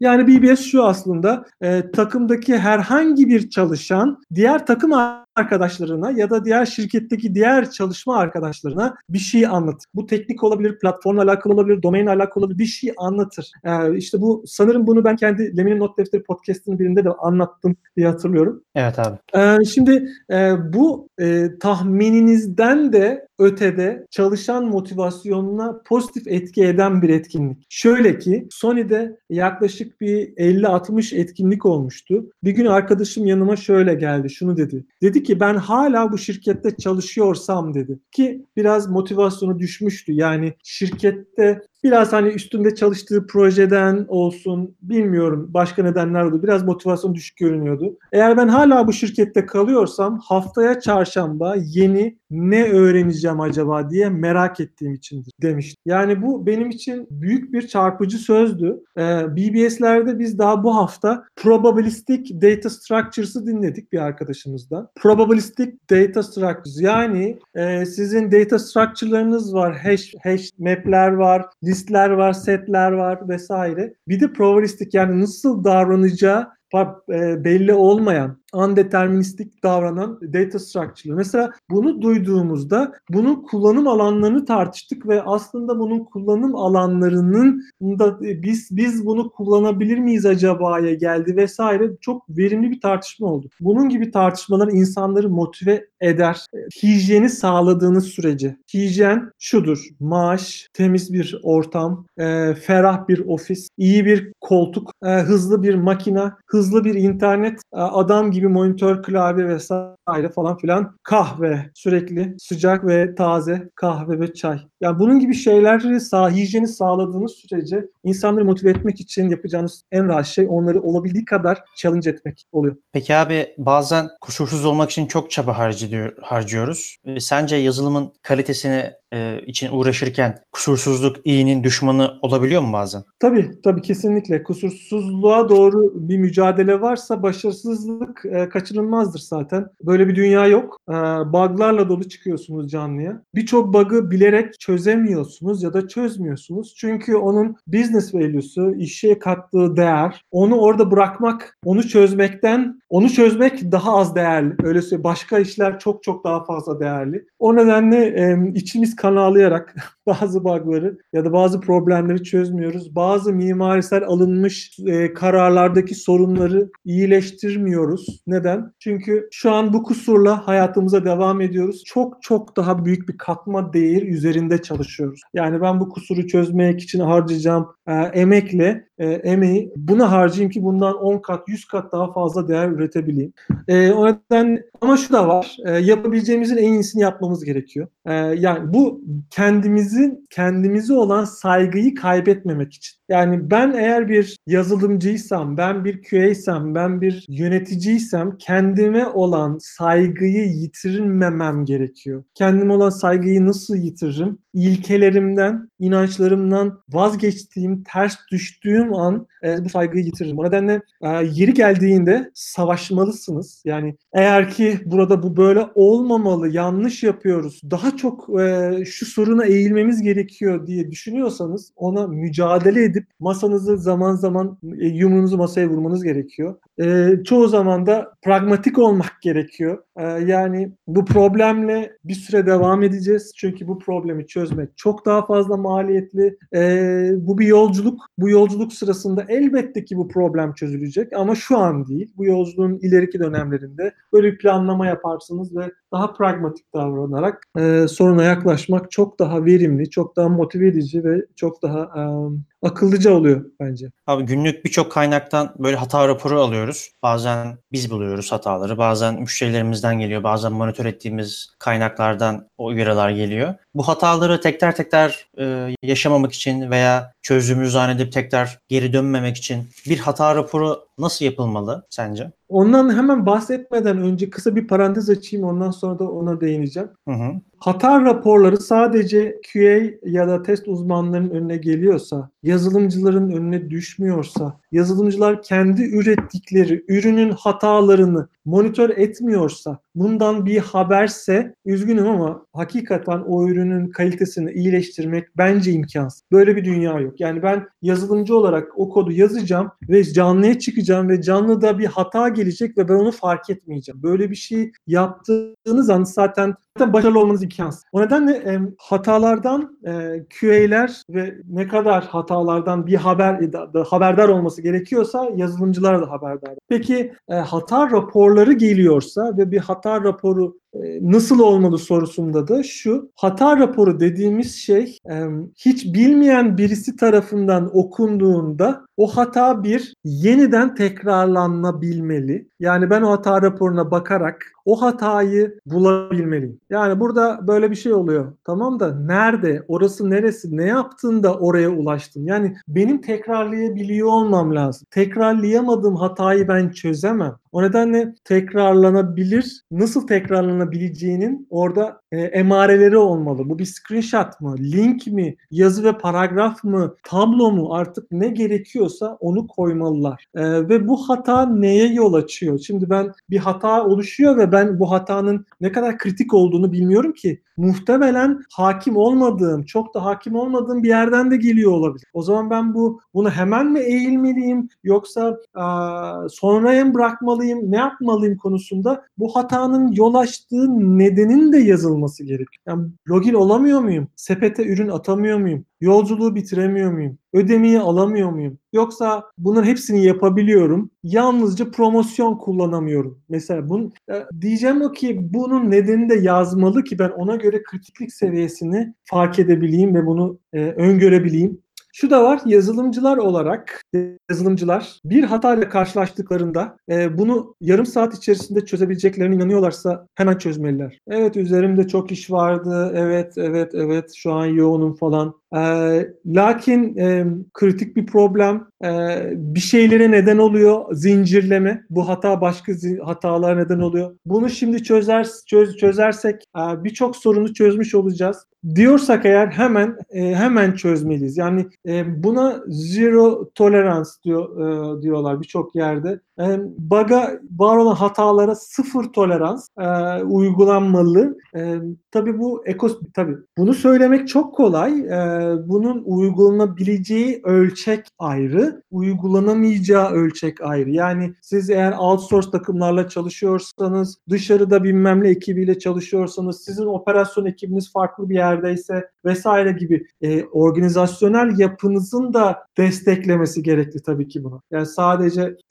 yazılımcılar e, sabahtan akşama kadar e, loglara bakıp e, bug'ları e, gözlemlesin demek değil. Biz ne yapıyoruz? E, e, bug'lar, olası problemler biz e, her yazılımcı logları incelemiyor tabii ki ama e, içeride hem EasyCode'da da bunu yapıyorduk. Sony'de de yapıyorduk. E, şimdi CraftSkati'de de yapıyoruz. E, bir nöbetçilik sistemimiz var. E, bunun birçok adı var. Batman ve Robin, e, Sportaküs deniyor. Bizde üç kişi bu. Batman, Robin ve Alfred diyoruz. Bu üç kişi o haftanın nöbetçisi oluyorlar ve e, sistemde oluşan logları, şey hataları gözlemliyorlar. Bunlarla alakalı hata raporu açmaları gerekiyorsa açıyorlar. Çözebiliyorlarsa çözüyorlar. Çözemiyorlar ancak bunun çözülmesi gerekiyorsa da çözebilecek kişilere bunları aktarıyorlar. Yani bu üç kişiden içeride test konusunda uzmanlaşmış olanlar mı olmalı, yazılımcılar mı olmalı, mobil developerlar mı olmalı, kim olmalı derseniz e, o ürün hakkında teknik anlamda fikir sahibi kim varsa onlar olmalı. E,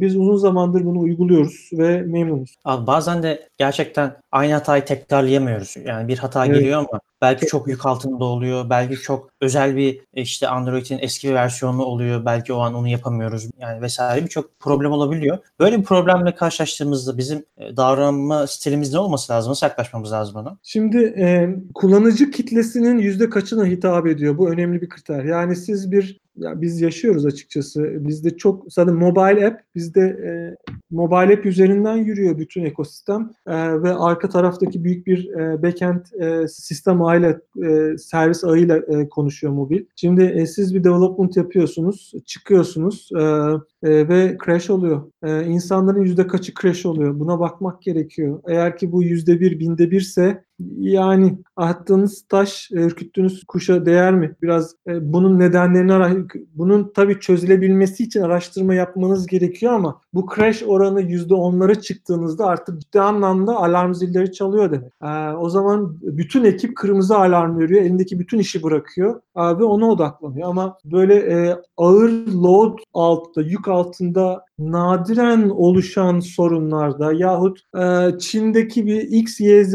işte, mobil telefonunun daha önce hiç duymadığınız bir modelinde ortaya çıkan bir crash nedeniyle e, bir şeyleri iyileştirmek zorunda mıyız? Ee, çok kritik gözükmüyor açıkçası o açıdan bakınca. Ee, bunları loglamak gerekiyor ee, ve bunlarla yaşanabilmeli. Ee, yani bazen de bunlarla yaşıyorsunuz açıkçası. Ama bazen de e, böyle yazılımcılar özellikle geliştirme yaparken böyle özel bir zona girdiği anlar oluyor. Hani böyle her şey gerçekten çok doğru yapılıyor. Böyle problemsiz bir şekilde her şey böyle akıp gidiyor o gün. Ve biz de böyle o zona girdiğimiz alanları aslında arttırmak istiyoruz. Peki böyle bir zaman yönetimi hakkında e, böyle bize verebileceğin taktikler var mı? Günümüzü daha böyle o zona girdiğimiz anları arttırmak için kullanabilmek adına.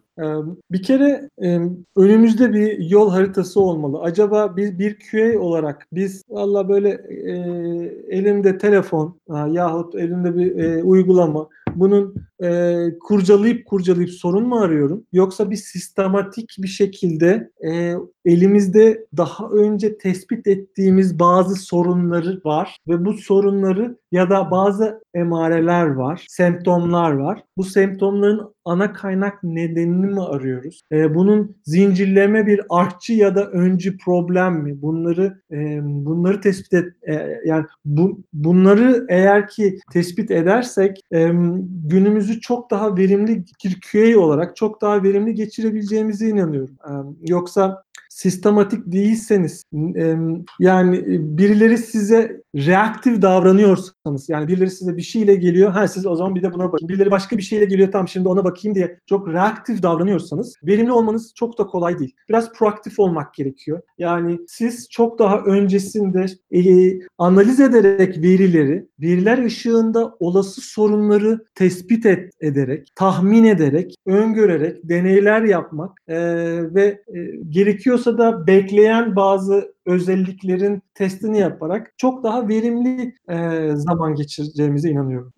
Peki sizce küçük bir makinenin büyük bir çarkı olmak mı? Yoksa büyük bir makinenin küçük bir çarkı olmak mı? Gerçi hepsini tattığınızı düşünüyorum ama buyurun. Bununla alakalı Jack Ma'nın harika bir sözü var. Jack Ma Ali Baba'nın kurucusu. Jack Ma şöyle söylüyor. 20 yaşınıza kadar en büyük emeliniz iyi bir öğrenci olmak olmalı derslerinizi çalışın, altyapınızı gelecekte kullanacağınız altyapıları teknik olsun, iş hayatınızla alakalı olsun, iletişimle alakalı olsun, karakterinizle alakalı olsun. Bütün altyapıları güçlü kılabilmek için e, derslerinize odaklanın diyor. 20-30 yaş arası yani demek istediğim bu sorunun net bir cevabı yok ama şöyle bir cevap var. 20 yaş, 20 ve 30 yaş arası iyi bir yöneticinin altında küçük bir şirkette çalış. Küçük bir çarkın, mesela küçük bir makinenin büyük bir çarkı olur muydu? Öyle bir şey değil mi? E, yani küçük bir şirkette iyi bir yöneticiyle çalışın. Böyle olduğunuzda daha yolun başında, kariyerinizin başında aslında bir şeyleri iyi nasıl yapılabildiğini, bir şeylerin olması gereken şekilde nasıl uygulanabildiğini tanık olacaksınız ve bütün kariyeriniz boyunca o ilk dönemde öğrendiklerinizi uygulayacaksınız. O nedenle 20 30 yaş arası büyük bir şirket, büyük bir kurumsal, büyük bir ekosistem değil. Küçük bir şirket ama iyi bir yönetici, iyi bir lead, iyi bir mentor bulmak gerekiyor. 30 ve 40 yaş arası ise aslında risk alabildiğiniz bir dönem. Burada kurumsal şirketlerde, büyük şirketlerde değişik şapkalar, değişik roller, daha önce alışık olmadığınız sorumluluklar alabilirsiniz. Denersiniz, olmadığını başka bir şey denersiniz. Çünkü bu artık böyle bir dönem. 40'a geldiğinizde artık e,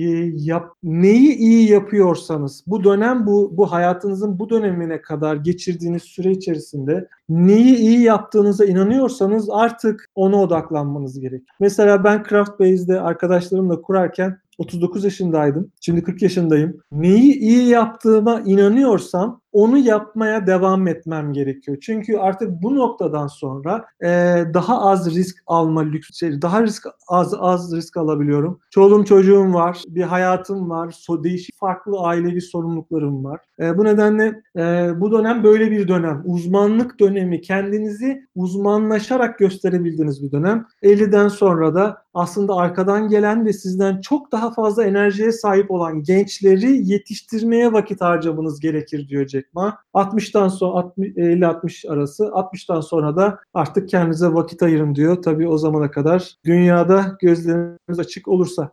Genel olarak bakanın tek bir cevabı yok. Bu bir yolculuk ama ben bu Jack Ma'nın bu önerilerinin çok değerli olduğuna inanıyorum. Abi QA şapkasını takan ekipteki arkadaşlar da aslında her gün üretilen bir yazılıma katkı sağlıyor. Onlar da bir şeyler üretiyor. Kesinlikle. Ve biz bu üretim esnasında doğru şeyler üretmek için doğru kaynakları tüketmek gerektiğini düşünüyoruz. Ve bu doğru kaynaklara ulaşmak için de paramızı doğru harcamayı öğrenmemiz gerektiğini düşünüyoruz. Çünkü hmm. sen de mesela sohbetin başında bahsettin. Bir CTO e, rolü için gittin belki ne kadar para alacağına vesaire düşünüyordun. E, çoğumuz aslında farklı bir şirkete geçmek, belki daha çok para kazanmak üzerine odak noktamız bu şekilde ama biz para kazanmaktan önce para harcamayı öğrenmemiz gerektiğini düşünüyorum. Böylece doğru kaynaklara ulaşabilmeli ve günün sonunda doğru şeyler üretebilmek adına. Sen bu konuda bize verebileceğin tavsiyeler var mı? Şimdi insanlar kendi kariyerlerine kendilerinin sahip çıkması gerekiyor. Kimse benim kariyerimde sorumlu olamaz. Ben kendi kariyerimden kendim sorumlu olmalıyım. Kendi kariyerim derken kendi kariyerime yön veren şey sadece maaşsa kariyerim aslında şirketlerin eli altındadır. Onlar sahip çıkmış demek. Ee,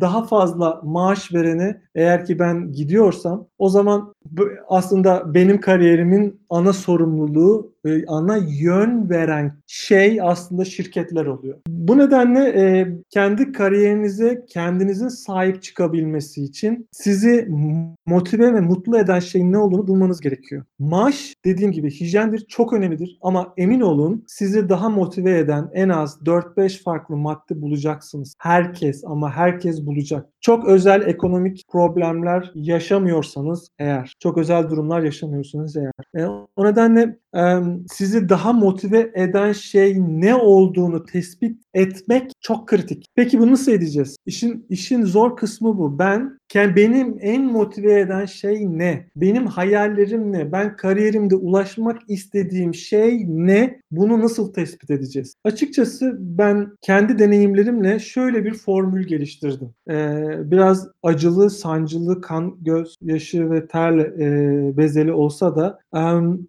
İnsanlar kendi limitlerini farkına varmalı. Limitimiz ne? Ne yaptığımızda tükeniyoruz? Neyi yapabildiğimizi görüyoruz? Neyi yapamadığımızı görüyoruz? Bir insan kendini nasıl iyi tanır? Neyi yapamadıklarını, hangi konuda iyi olmadığını bildiği anda neyi bildiğini de yavaş yavaş fark etmeye başlar. Ee, ne kadar çabalarsam çabalayayım hiçbir müzik aletini adam gibi çalamayacağım. Bunu tespit etmek benim için ne kadar acı ve zor olsa da bu benim kendimi tanımam için önemli bir e, andı ve bunu bunu e, kabullendim. Bunun gibi hayatımda birçok parçada, birçok alanda kendi kariyerim için gerçekten yapmak istediğim şey bu değil diyebilmek için onları uygulamam gerek. Mesela en basit örneğinden %100 kod coverage test yazıyoruz değil mi? Testlerin, yazdığımız testlerin e, production kodunu yüzde kaçını acaba test ediyor? E, bunu hesaplıyoruz arada. %100 kod coverage diye bir şey var. Herkes yani yazdığınız test kodu bütün e, bütün kodu, bütün production kodunu e, test ediyor e, demek bir açıdan. E,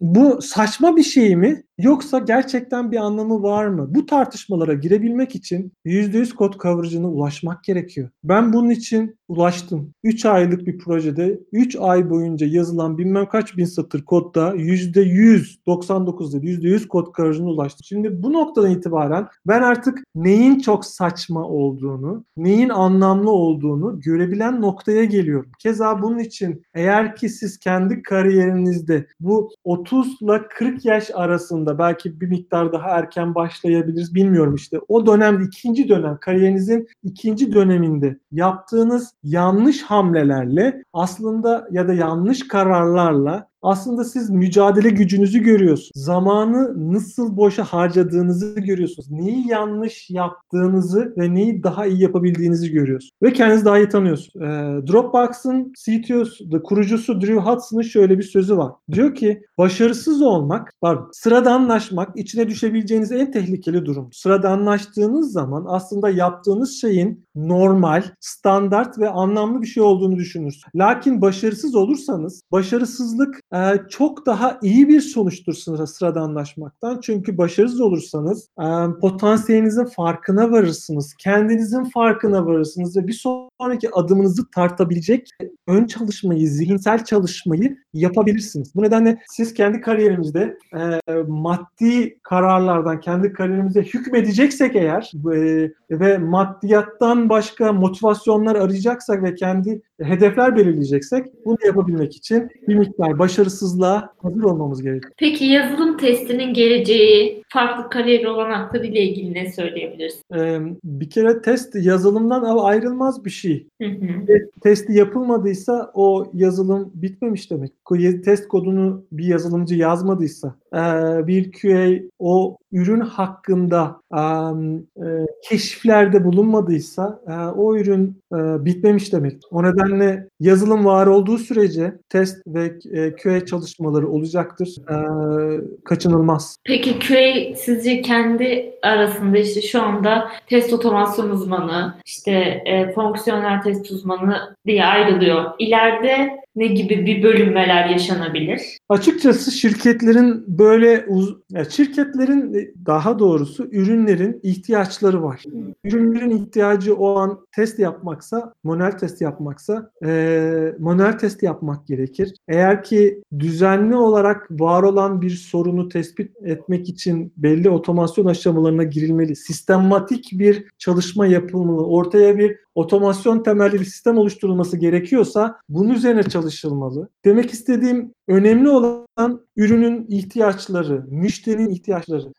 Bir şirkette daha ağırlıklı manuel test yaparsınız. Öbür şirkette daha ağırlıklı otomasyon üzerine çalışırsınız. Başka bir ekipte daha ağırlıklı domain üzerine tartışmalar yaşayıp ürünün aslında iş birimi tarafından nasıl tasarlandığını görürsünüz ve yaptığınız keşiflerde bu domain bilgisini kullanmaya başlarsınız. E, bu bir yolculuk. E, evet çok özel uzmanlaşma alanları var. E, yazılımda olduğu gibi test alı QA, QA alanında da. E, lakin dediğim gibi e, önemli olan içinde bulunduğunuz ekibin neye ihtiyacı olduğu ve biz hayatımız boyunca hiçbir zaman sonsuza dek aynı ekipte çalışmayacağız. Aynı şirkette çalışmayacağız. Aynı projede, aynı uygulamalarda çalışmayacağız. O nedenle vizyonumuzu bir QA olarak QA'de uzmanlaşmak üzerinde olmalı. Yani bu T-shaped, T şeklindeki yetkinliklerimizdeki o dikine derinleşmeyi test alanında, otomasyon alanında, manuel test alanında yapmalıyız. Doğru. Lakin o en tepedeki, en üstteki çizgiyi de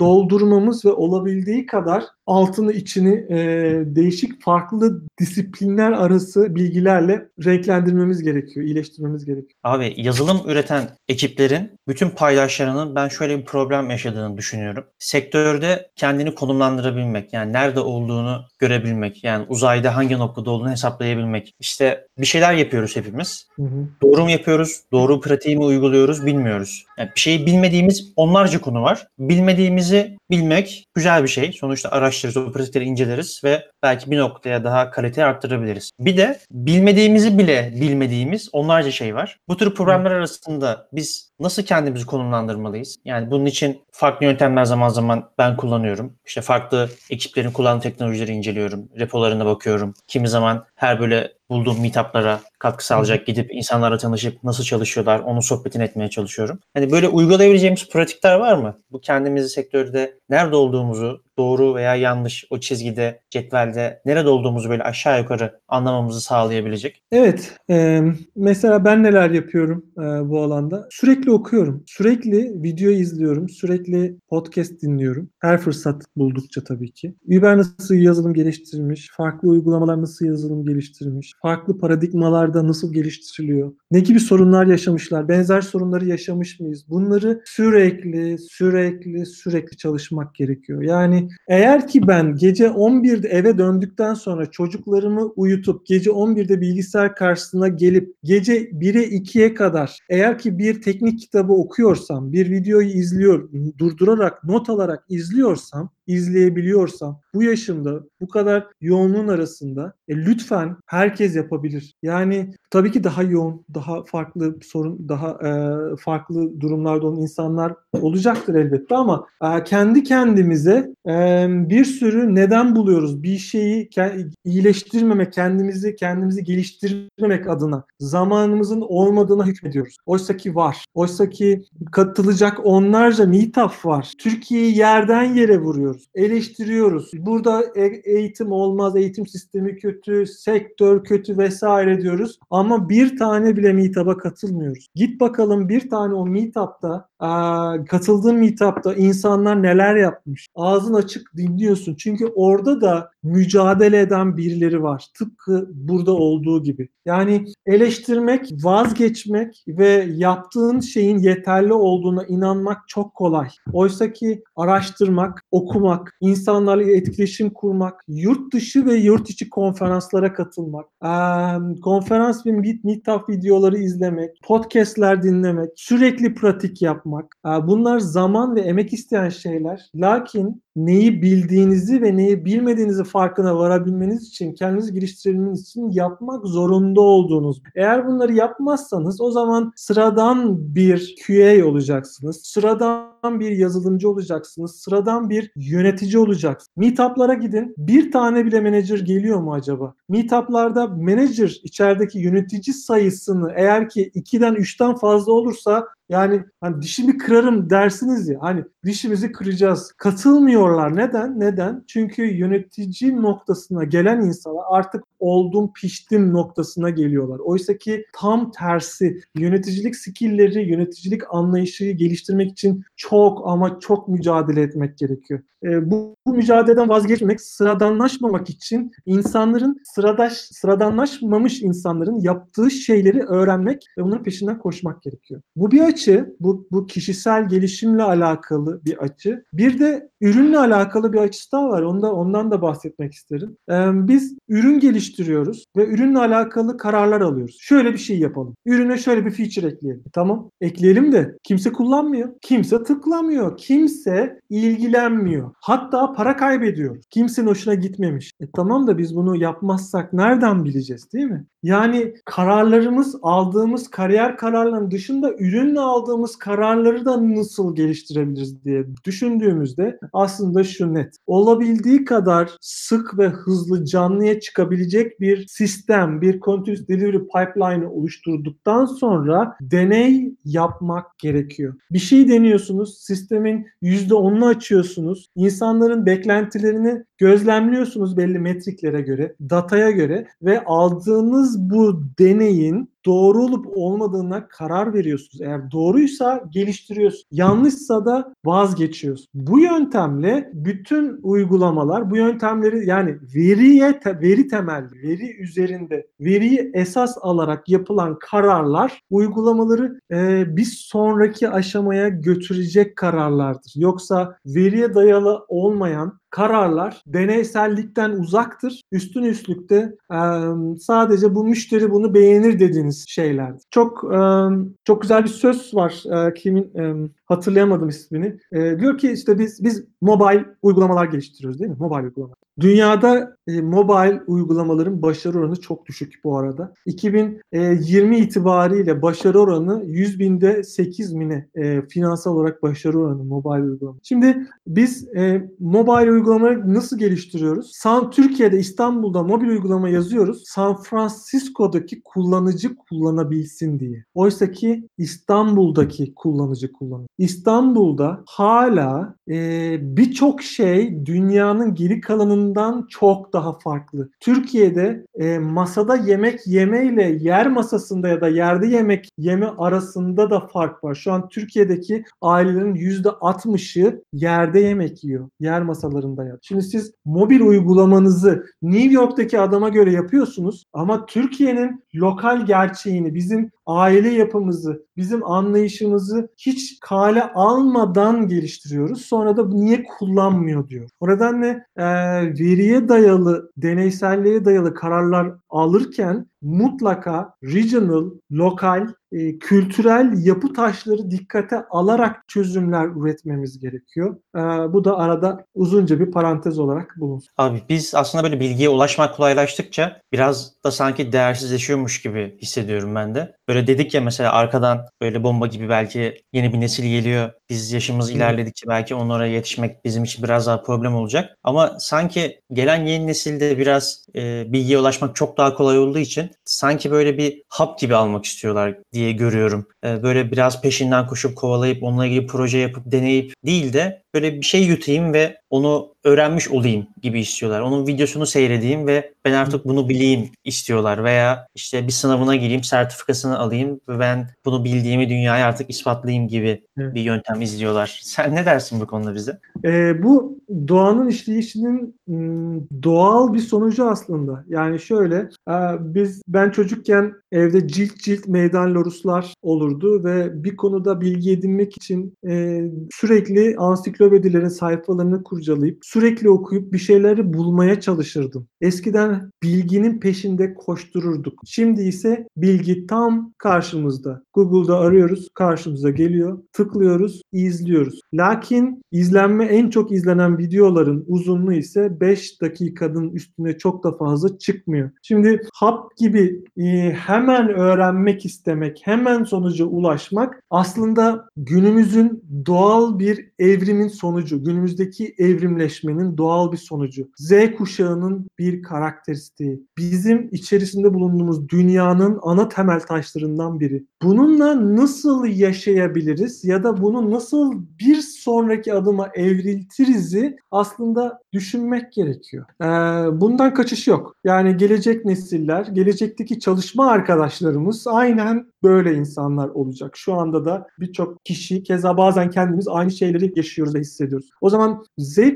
kuşağının bu e, evriminin e, nedeni olan bu bu bu yapıya adapte olmamız gerekiyor. E, buna kafa yormak gerekiyor. E, net bir çözüm bulamıyorum e, doğal olarak. E, lakin iki iki çocuğum var. Biri ilkokula gidiyor. E, genel olarak veriye, bilgiye olabildiği kadar emek vererek ulaşması için çaba sarf ediyorum. E, bunu yapmak için yasaklar getirmek değil, bunu yapmak için sistemler e, oluşturmaya, bir şeyleri çabalayarak, kazıyarak, araştırarak, mümkünse kağıt kalemi kurcalayarak bir şeyler bulması için uğraşıyorum. Ama e, ne kadar başarılı olurum bunu zaman gösterecek. Al peki böyle yazılımda da birçok arkadaş bazen binlerce lira veriyor böyle bir sertifika almak için uğraşıyor. Evet, Sen evet. birçok iş görüşmesi de yaptın. Evet. Birçok hani tecrübeli arkadaşlarla da çalıştın. Hala devam ediyorsun. Sence sertifikanın bir önemi var mı? Hem iş görüşmesi hem e, diğer alanları da böyle genel bir çerçevede bakarsan senin için. Şimdi sertifikanın bir konuda uzman olmak için, bir konuda söz sahibi olmak için, bir konuda sorumluluk alabilecek yetkinliğe ulaşmak için bir gösterge değil sertifika. Yani sertifika olmadan da çok iyi birer yazılımcı, çok iyi birer QA, çok iyi birer ecel koç olabilirsiniz. Sertifikalar günümüzde bir sizin o konuda çok iyi olduğunuzu değil, bir, konuda öğrenmek için mücadele ettiğinizi gösterirler. Karşıma X sertifikasıyla gelen bir kişinin o sertifikayı almak için verdiği mücadeleyi ben sorgularım. İş görüşmesinde doğrudan aldığı sertifikaya yönelik sorular sorarım. Eğer ki Java sertifikası varsa Gerçekte ne kadar öğrenmiş bunu bilmek isterim. Java sertifikası olmak biz işe girmekte ya da bir QA sertifikası olmak bir QA alanında işe girmeye faydalı olur mu? Görüşmeye çağrılması için belki bir miktar etkili olmuş olabilir. Lakin görüşmeler tamamen sertifikandan arındırılmış yapılır. Yani çünkü ekibin ihtiyacı olan şey sertifika değil ki. Ekibin ihtiyacı olan şey bilgi, deneyim, iletişim, anlayış, zeka aa, bunlar. E, o nedenle aa, e, ha ben X konusunu çok iyi biliyorum diye CV'me yazmışım. Ha X konusunda bir sertifika getirmişim. E, sertifika çok iyi bildiğinizi göstermez elbet ama o konuda bir emek verdiğinizi söyler sadece. Sertifikalar değersiz değildir. Yani sertifikalara baktığınızda ya sertifikanın hiçbir değeri yok diyemem. E, keza sertifika e, veren, sertifika eğitimleri veren e, bir danışmanlık şirketinde iki sene eğitmen olarak da yer aldım. E, sertifika eğitimleri ona aktif katılanlar için değerlidir. Lakin şirketlerin istediği şey sertifika değil, sadece bilgi ve deneyim oluyor. Peki radarımızı alıp incelememiz gereken bir araç, yöntem, disiplin tavsiyeniz var mıdır? Özellikle QA'ler için. Ee, öncelikle e, bir QA olarak e, test e, keşifleri e, nasıl yapılır, e, manuel testlerde otomasyon vesaire bunlar nasıl yapılır bu konularda uzmanlaşmanın yanında e, benim önereceğim şeyler e, teknik anlamda kendilerini geliştirmeleri. Teknik derken yazılım mimarisi, yazılımın sunuculara yüklenmesi, yazılımın fikirlerinin yani requirement'ların ortaya çıkışı gibi esas da doğrudan bir fiil birinci kademeden testle alakalı olmayan lakin test e, ve QA kalite kavramlarının içinde olan diğer bütün konularda kendimizi geliştirmemiz gerekiyor. Um, TDD ne demek? Nasıl geliştirilir? Ee, hızlanmak için yavaşlamak gerek. Peki nasıl yavaşlanılır? Hangi alanlarda yavaşlamamız gerekiyor? Agile dediğimiz şey acele ya da çevik dediğimiz şey hızlı demek değildir. Hızlanmak için yavaşlamak demektir. Peki bu nasıl başarılır? E, bunları anlamak gerekiyor. E, disiplinler arası e, etkileşime değer vermek gerekiyor. Call center'larla sıkı iletişim demek. Bir QA'in ana iletişim kuracağı kişilerden bir tanesi de operasyon ekipleri ve call center'lar olmalı. Çünkü ana sorunlarla birebir mücadele eden kişiler onlar oluyor çoğu zaman. Onlardan anlamak esas problemi dinlemek gerekiyor. Birebir bir tool ismi vermeyeceğim, veremeyeceğim. Çünkü ben bir yazılımcı olarak yani ben kendimi bir QA olarak adlandıramıyorum ama sen nesin dediğinizde ben kendimi rahatlıkla bir yazılımcıyım diyebiliyorum. Ee, bir yazılımcı olarak e, çok rahatlıkla şu framework'ü, şu teknoloji, şu pratiği e, öğrenin diyebiliyorum. E, bir QA ise o anlamda teknik ve tool ismi olarak veremiyorum. Yalnız çevik yazılım geliştirme şeyleri, yöntemleri, çevik anlayış, yalın anlayış nedir, ne değildir, ritüellerle hangi değerlere ulaşılır, hangi değerlere ulaşmak için neler yapmak gerekir, extreme programming bize ne katar, ne farkı var gibi aslında iş yapış şeklimizi de etkileyecek olan kavramlara öğrenmeleri ve bu konuda e, ciddi bilgi ve deneyime sahip olmaları köyleri bambaşka bir noktaya getireceğini düşünüyorum. Abi teşekkür ederiz sohbetin için. Rica ederim ben teşekkür ederim. Yormamışımdır inşallah. Yok yok yani ben çok feyiz aldım. E, hatta böyle kalite hakkında kalite arttırmak için neler yapabiliriz diyen tüm böyle Türk yazılım firmalarına haftada bir ilaç niyetine bu yayını dinlemesini tavsiye edeceğim. Teşekkür ederim. Yani böyle resmen birkaç adım Ağzınıza sağlık. Böyle birkaç adım resmen geri geldik ve daha böyle geniş bir perspektiften bence bu kaliteyi biraz daha sorguladık. Bizim QACast'in şu an ilk sezonu ve biz kaliteye dönüşü sorguluyoruz aslında bu sezonda. Ee, onun için bence yani böyle en feyiz aldığım yayınlardan biri oldu. O yüzden çok teşekkür ederim. Ben teşekkür ederim Sinan. Çok teşekkür ederim Tuğçe. Aynı şekilde. Çok ağzınıza sağlık. Gerçekten e, bizim sektörde örnek alınan ender insanlardan birisiniz. Sektöre katkılarınız için de çok teşekkür ederiz. Teşekkür ederim. Sağ olun. Nazik yorumlarınız için teşekkür ederim. Aa, böyle çok farklı konuyu damıttın. Böyle tecrübe olarak kafamıza fırlattın. Normalde böyle konular arasında kalın geçişler oluyor bizim ve ben e, insanlar dinlerken rahatlıkla böyle istediği konuya ulaşabilsin diye başlık atıyorum dakikalarında. Ama sen o kadar farklı konuyu böyle bir anda damıtıp farklı açılardan bize söyledin ki yani biraz başlık atmakta zorlanacağım. Valla çok çok kolay gelsin. Ee, çok çok memnun oldum. Umarım e, faydalı e, olabilmişimdir. Sağ olun, var olun. Abi tekrar ağzına sağlık. Çok teşekkür ederiz her şey için. Vakit ayırdın. Görüşmek üzere. Herkese akşamlar.